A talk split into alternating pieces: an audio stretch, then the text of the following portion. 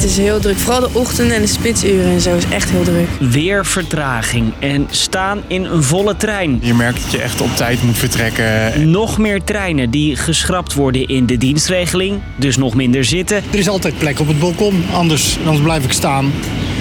Zol in de game, denk ik dan. En kantoorpersoneel van de NS dat je OV nu gaat scannen. Het personeelstekort is, uh, is groot. Daar hebben we rekening mee te houden. Het gaat al maanden niet lekker op het spoor. En toch weten we nu al dat je nog jaren in een geel-blauwe trein stapt van de NS. Kan de NS nog teruggefloten worden? Of staat alles al op de rails voor de komende 10 jaar? Ik ben Marco en ik leg het je uit.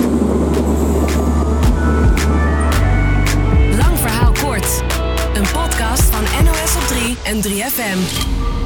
Zo, even een plekje zoeken. Ah, kijk, er is hier nog een stoeltje vrij. Oh, zit wel kauwgom op. Als je de trein instapt van Utrecht naar Deventer, dan denk je er waarschijnlijk niet over na dat je trein rijdt over het hoofdrailnet. De belangrijkste spoorlijnen tussen steden. Makkelijk gezegd, daar waar intercities en sprinters rijden. En dat hoofdrailnet, daar hebben alleen zij het voor het zeggen. Beste reizigers. De NS. Iedere tien jaar bekijkt het ministerie wie het alleenrecht krijgt over de belangrijke trajecten. Een concessie. Om zo'n concessie te krijgen moet de vervoerder aan allerlei eisen voldoen. De treinen moeten op tijd rijden. De Intercity vertrekt over enkele minuten. Ze moeten goede reisinformatie geven, genoeg zitplekken bieden, de kaartjes niet te duur maken en meestal zorgen voor een toilet. Tot 2025 heeft de NS die concessie. En als het aan de staatssecretaris ligt, is dat vanaf 2025 weer 10 jaar zo. En treinen van andere vervoerders, zoals Arriva, Qbus en Connection, die mogen alleen op regionale trajecten rijden. Kippenlijntje, vijf keer per week en we gaan nu eh, richting Ede-Wageningen. Waarom krijgt de NS dat hoofdrailnet? Twee jaar geleden was iedereen het er eigenlijk over eens dat de Nederlandse spoorwegen daar gewoon weer mogen rijden de komende tien jaar. Volgens de toenmalige staatssecretaris reden ze goed en betaalbaar. En daar was bijna heel politiek Den Haag het mee eens, vertelt verslaggever Ewout Kiefiet. Toen maar drie partijen tegen. Ehm, en eigenlijk was er toen, uh, en tot voor kort, heel grote tevredenheid over NS. Maar er is wel wat gebeurd in die paar jaar, kom ik zo nog op terug. Sowieso staat niet iedereen te springen om de boel zo aan de NS te geven. Vanuit Europa klinkt bijvoorbeeld kritiek. Die willen dat alle vervoerders een kans maken. En dat hoofdrailnet weggeven heeft ook nadelen, volgens deze hoogleraar economie. Het belangrijkste nadeel zou zijn dat je geen gebruik maakt van het feit dat je in zo'n aanbesteding ja, toch een moment van concurrentie hebt. Want met zo'n aanbesteding kun je kiezen uit degene met de beste treinen tegen de beste prijs met de beste dienstregeling. Vervoerders als Arriva en Connection zijn het er ook niet mee eens.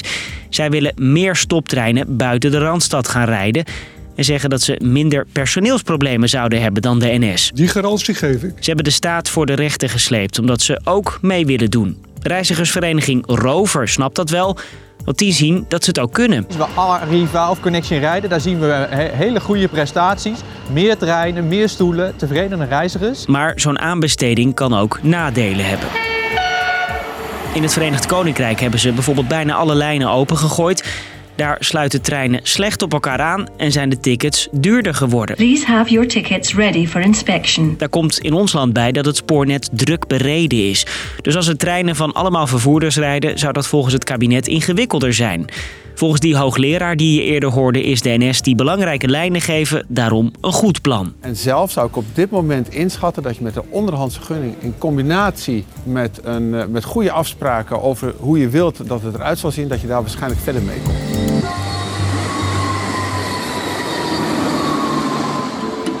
Oké, die intercities die blijven tot 2035 geel met blauw als het aan het kabinet ligt. Maar dat betekent niet dat er niks verandert. Want als de NS weer die opdracht krijgt, kan er nog een heel setje met eisen op het treintafeltje komen. Dit is altijd zo'n herrie. Zo eiste de politiek eerder meer toiletten. En in Den Haag wordt nu nagedacht over meer. Bijvoorbeeld door CDA en VVD. Zij willen dat de NS zich vooral op de intercities gaat richten. Dan moet je goed nadenken over dat je bijvoorbeeld treinen in bepaalde regio's, in Limburg, in het noorden van het land, misschien ook in Zeeland, door regionale vervoerders laat rijden. Dan rijdt er ook nog een intercity van de NS. Maar je zorgt ervoor dat andere vervoerders bepaalde trajecten kunnen overnemen. En uh, ja, dat je daardoor een, een nog betrouwbare en een betere treindienstregeling krijgt. De staatssecretaris onderzoekt nu of sprinters tussen Zwolle en Groningen en Apeldoorn en Enschede over een paar jaar door bijvoorbeeld een Arriva gereden kunnen worden. Dinsdag wordt er in Den Haag gedebatteerd over de eisen. De staatssecretaris is zelf ook niet zo blij met hoe het nu gaat. Nou ja, het is natuurlijk zo dat ik enorm baal dat er 13% wordt afgeschaald. Dus zou ik het graag beter zien, uiteraard. Dus, lang verhaal kort. Elke tien jaar beslist de regering wie op de belangrijkste rails van Nederland mag rijden. Het hoofdrailnet.